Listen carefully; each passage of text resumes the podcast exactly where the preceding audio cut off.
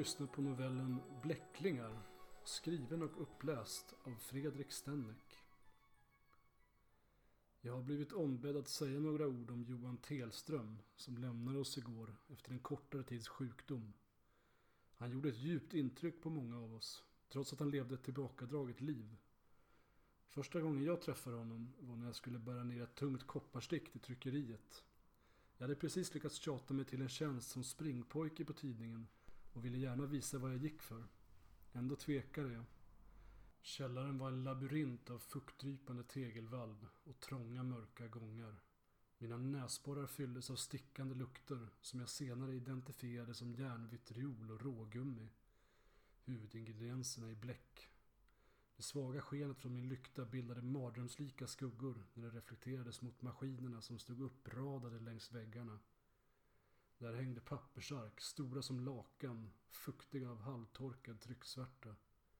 De kapades och viktes bland ett inferno av valsar och svänghjul för att sedan sorteras av ofattbart snabba demoniska armar som höll samman med hudlösa muskler och senor.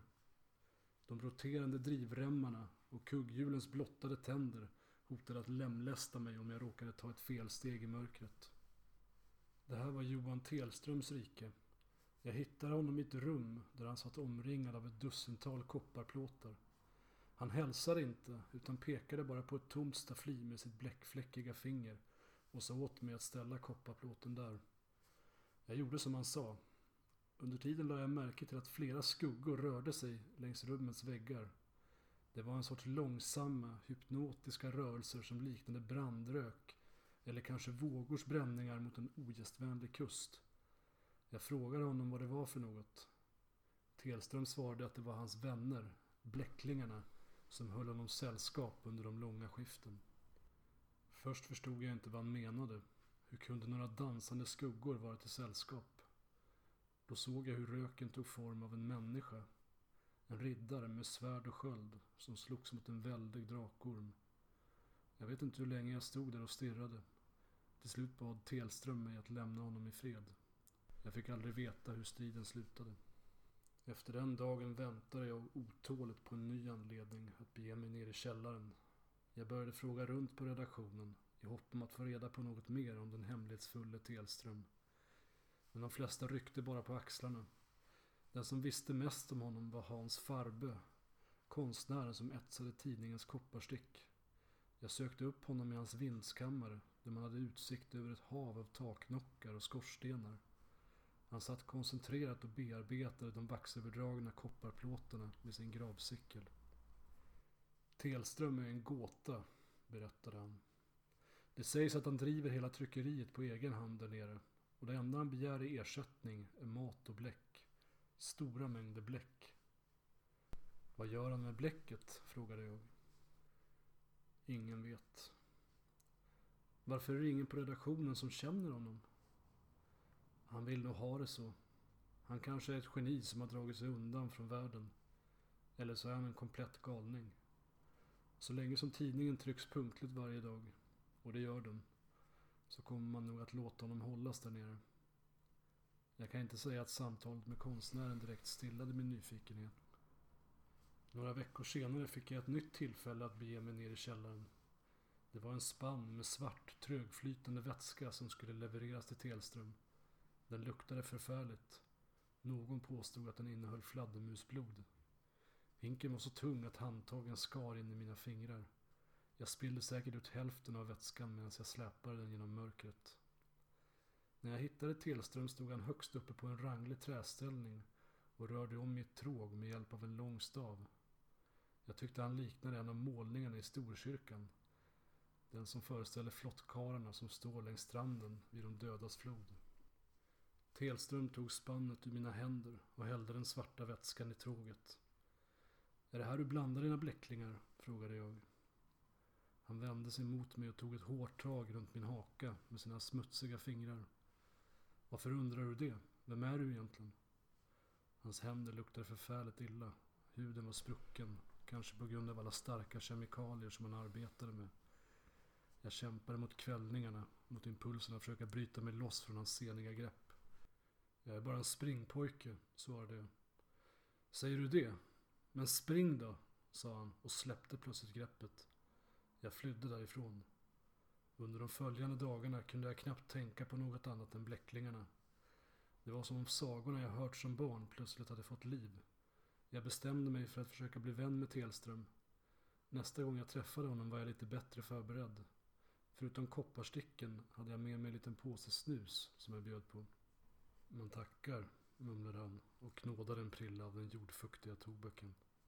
Ta en till, sa jag glatt. Sen satt jag kvar en stund i ett hörn av rummet och betraktade bläcklingarna. De hade formen av en armé som marscherade över en vindpinad sluttning. Du ska nog gå härifrån nu, sa Telström. Jag tittade vädjande på honom. Kan jag inte få stanna en stund och titta? Nej, du kommer bara att vara i vägen. Jag lovar att hålla mig undan. Du kommer inte ens att märka att jag är här. Hör du inte vad jag säger? Ge dig iväg, röt han. Jag låtsades göra som han sa. Jag reste mig upp och gick därifrån.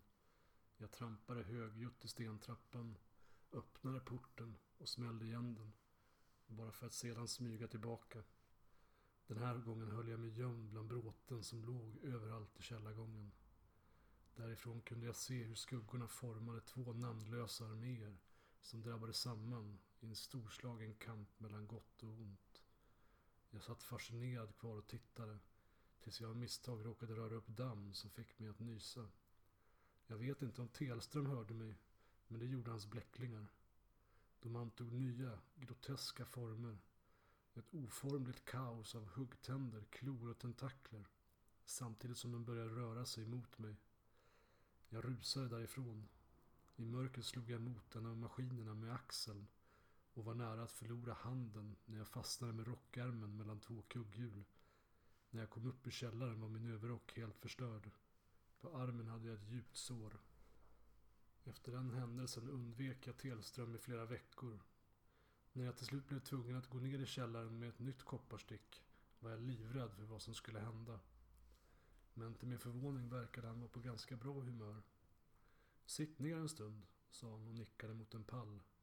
Jag gjorde som han sa, samtidigt som jag försökte ignorera bläcklingarna som nyfiket petade på min skugga.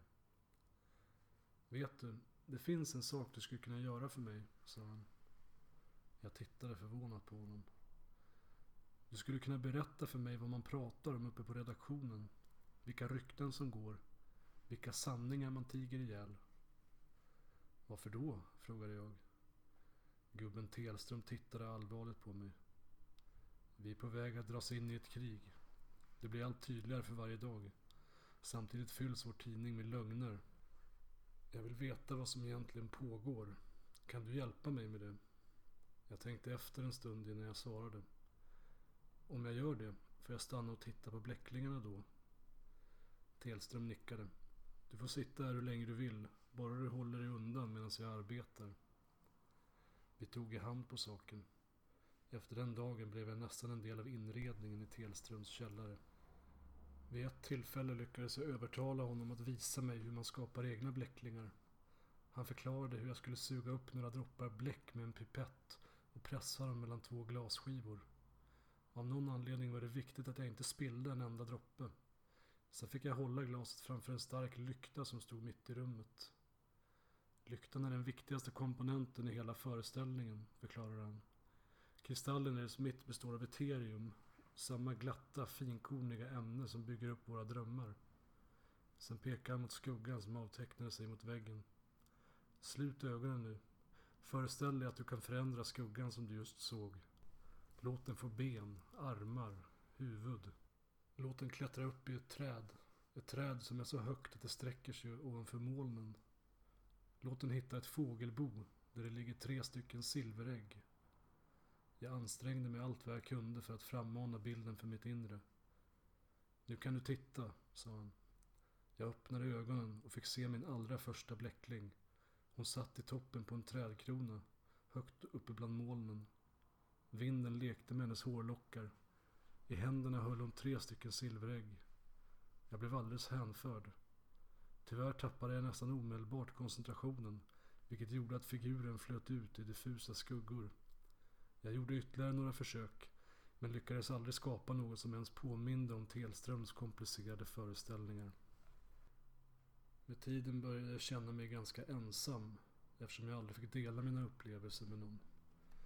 Dessutom tyckte jag att hans magiska föreställningar var värda en större publik. Så en dag tog jag mod till mig och frågade om jag fick ta ner några vänner i hans källare. Nej, nej, sa han, det kommer bara bli problem. Men jag gav mig inte. Jag använde hela min arsenal av tjat och smicker för att övertala honom. Till slut gav han med sig. Vi kan väl göra ett försök, sa han och lät mig ta med fyra vänner ner i källaren. Efteråt ville applåderna aldrig ta slut. Han verkade uppskatta den nya publiken. Åtminstone klagade han inte när fler och fler besökare dök upp på hans föreställningar. Till slut fyllde de hela lokalen. Jag tog ett inträde på fem nickel som jag erbjöd honom som betalning.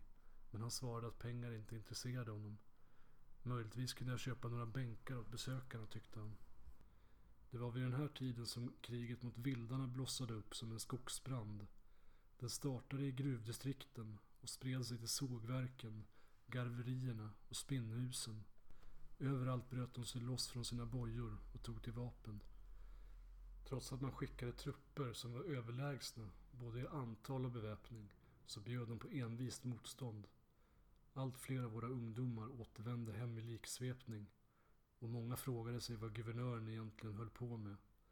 Hur var det möjligt att världens mäktigaste armé inte kunde besegra några vildar på sin egen bakgård?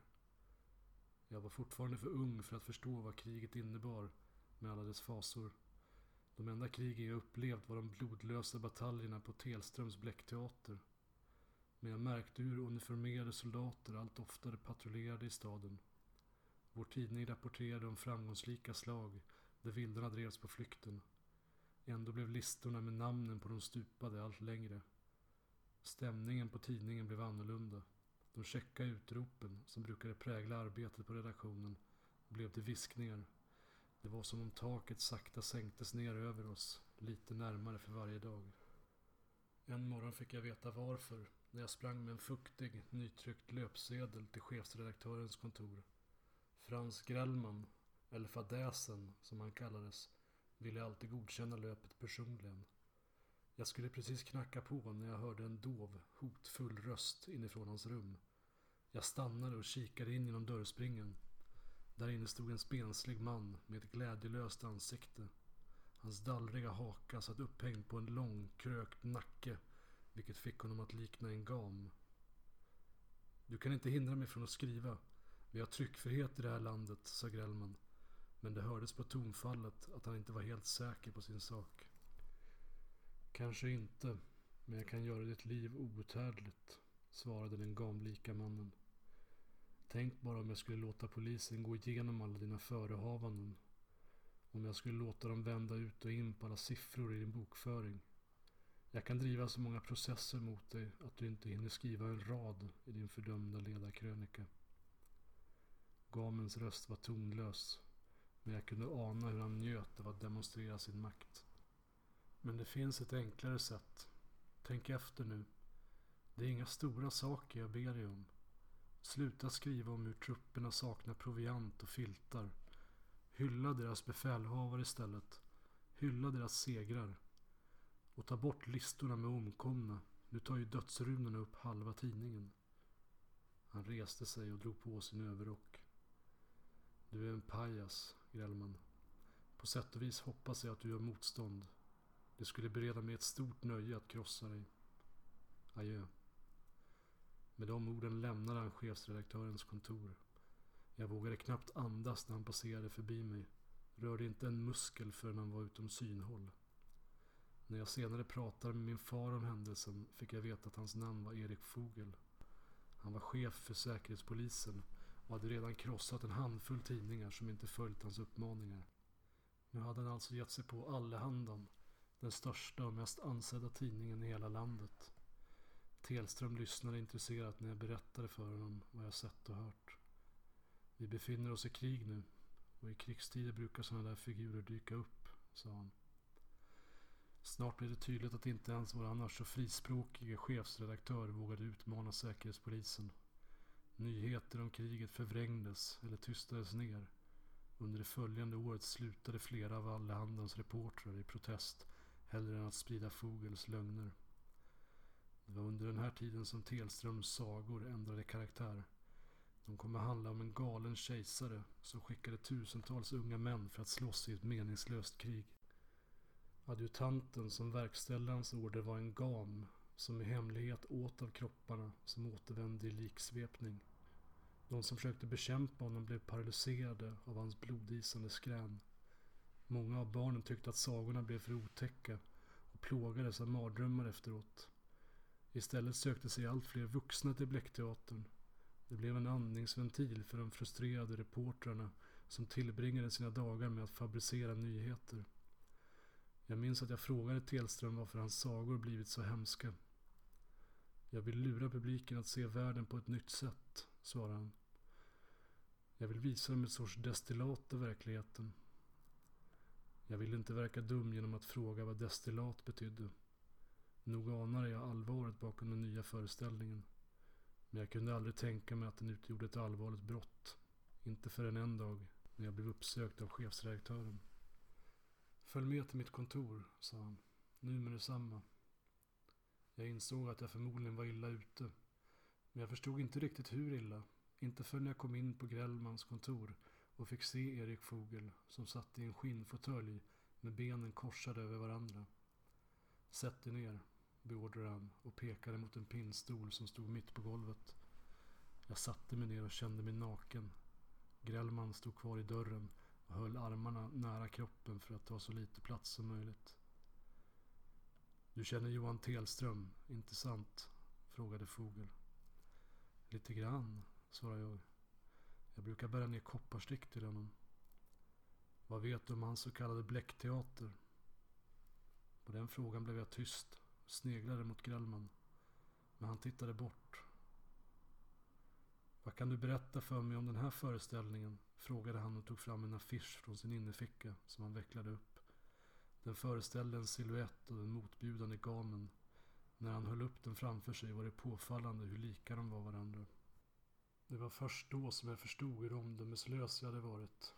Det var jag som hade låtit trycka upp affischerna, som hade klistrat upp dem på husväggar i närheten av teatern.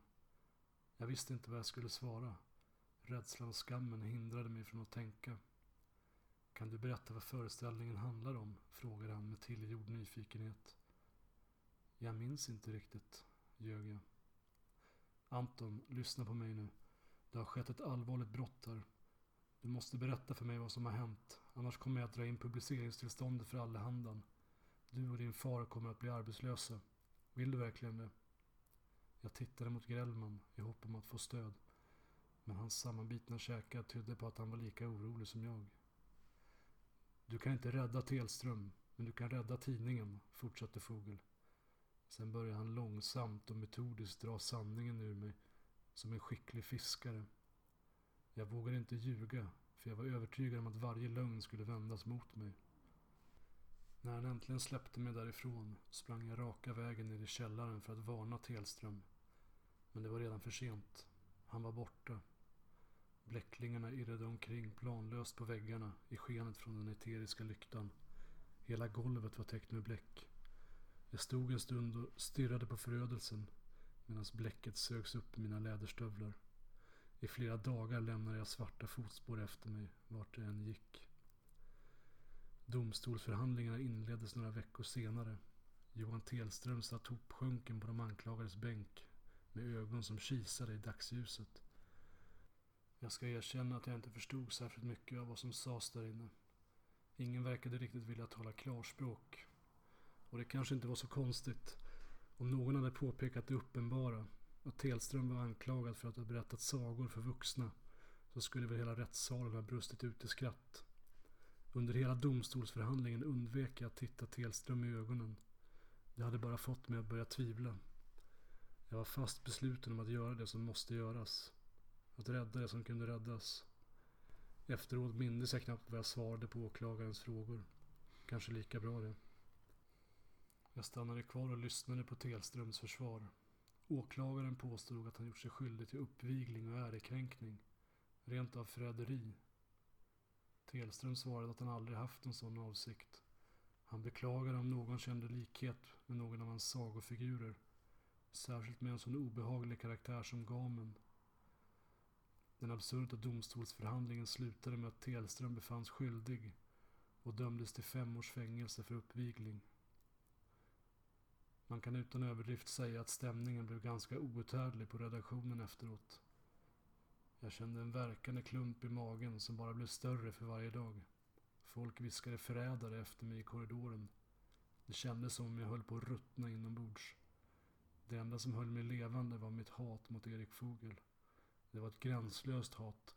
Ett sånt som bara ett maktlöst barn kan känna. Jag fantiserade om hämnd. Jag lovade mig själv att det skulle bli min livsuppgift att förgöra den mannen. Några veckor senare höll Fogel en presskonferens utanför polishuset. Många hade samlats där eftersom han skulle förklara bakgrunden till den senaste tidens arresteringar. Jag betraktade allt på avstånd och kunde inte riktigt höra vad han sa. Men det framgick ganska tydligt ändå. Inte minst genom hans upprepade knytnävsslag i talarstolen. Plötsligt gick ett förvånat sus genom publiken. Några ropade högt och pekade mot podiet. Jag trängde mig fram för att se vad som pågick. Där kunde jag se hur Fogels skugga rörde sig som om den fått eget liv. Den växte i storlek och ändrade form så att den blev förväxlande lik gamen från Telströms bläckteater. Fogel skrek åt sina skyddsvakter att göra något åt saken medan gamskuggan lustfyllt härmade hans uppretade kroppsspråk. Den hötte med näven, den stampade med foten och gjorde grimaser. Några i publiken började fnissa. Då var det som en fördämning öppnades och sköljde bort all rädsla. Gapskratten förföljde Fogel när han rasande gick därifrån. Dagen därpå visade han prov på sitt utvecklade sinne för humor när han lät ett tjugotal poliser i svarta rockar storma in i Allehandans lokaler. De reglade alla dörrar och föste ihop de anställda i ett sammanträdesrum. Jag kom undan genom att gömma mig ovanpå en traversbalk i tidningens lagerutrymme. Där låg jag på mage, högt ovanför marken och försökte undvika att gripas av svindel. Jag hörde hur Fogel förklarade för personalen att det finns två sätt vi kan göra det här på. Ett snabbt sätt, om någon träder fram och ger honom namnet på lustigkurren. Eller ett långsamt sätt, då han låter förhöra oss en efter en tills någon bryter ihop och ger honom namnet. Hur vill ni ha det? frågade han. Men möttes av en kompakt tystnad. När det var tydligt att ingen tänkte avslöja något lät han inrätta ett par förhörsrum. Ett av dem var i lagret, rakt under mig, där jag låg gömd. Jag såg hur de anställda fördes in, en efter en, och fick ta emot hot, spottloskor och örfilar. Men ingen avslöjade någonting. Jag minns när de förhörde Grellman. Hur knytnävslagen träffade hans feta buk när den spände ut som en ballong mellan hängslena. Han stönade högt, men han sa ingenting. Inte förrän de släpade iväg honom därifrån. Gissa om ni kommer bli berömda för det här, muttrade han då. Poliserna blev allt mer hårdhänta ju längre förhören pågick. Allra tydligast minns jag hur de förhörde min far. De slog honom i ansiktet, först med öppna handflator, sen med knutna nävar. När han var nära att förlora medvetandet slet de upp honom från stolen och släpade iväg honom till ett tråg som var fullt med bläck. Där tryckte de ner hans huvud och höll honom nere så länge att jag trodde att han skulle drunkna. Min far kastade sig fram och tillbaka och försökte komma loss. Oljiga bläckbubblor briserade runt hans huvud. När de drog upp honom igen hängde håret i tjocka klibbiga testar. Ansiktet var svart med undantag av två röda rännilar av blod från vardera näsborren. Förhören pågick hela natten. Jag törs lova att det var den längsta natten i Allehandans historia. Men när dagen grydde så försvann de plötsligt. Som troll som avskyr solljus. Ingen av oss förstod varför. Inte förrän vi vågade oss ut och såg löpsedlarna på de konkurrerande morgontidningarna som prydde gathörnen. Alla hade samma motiv. En siluett av ett gamhuvud som täckte hela uppslaget. Senare fick jag veta att Fogel mobiliserat stora delar av poliskåren för att stoppa stadens alla tryckpressar. Men då var det redan för sent. Under de följande dagarna blev han första sidestoff i alla tidningar. Det skrevs spaltmeter om hur han överskridit sina befogenheter. Om hur han brutit mot alla tänkbara principer för polisiär verksamhet. Trycket blev så hårt att han avgick innan veckan var slut. Numera lever han i ensamhet och lämnar aldrig sin bostad. Gardinerna är alltid fördragna framför hans fönster. Han fick aldrig klarhet i vem som gjorde honom till åtlöje. Även om han säkert har sina misstankar. Det kanske ni också har. Jag kan tyvärr inte säga något mer om saken eftersom brottet inte är preskriberat. När Fogel var borta så startade Grellman en kampanj för att få Telström frisläppt. Fogels efterträdare såg inget särskilt skäl att fortsätta hålla honom inspärrad, så han släpptes i tysthet. Därefter återgick han till sitt arbete i redaktionens källare. Han uppförde aldrig mer någon föreställning inför publik. Sina sista tio år tillbringade han helt i sällskap med sina bläcklingar. Det sägs att de till och med vakade vid hans dödsbädd. Johan Telström, idag tar vi farväl. Må ditt bläck aldrig torka.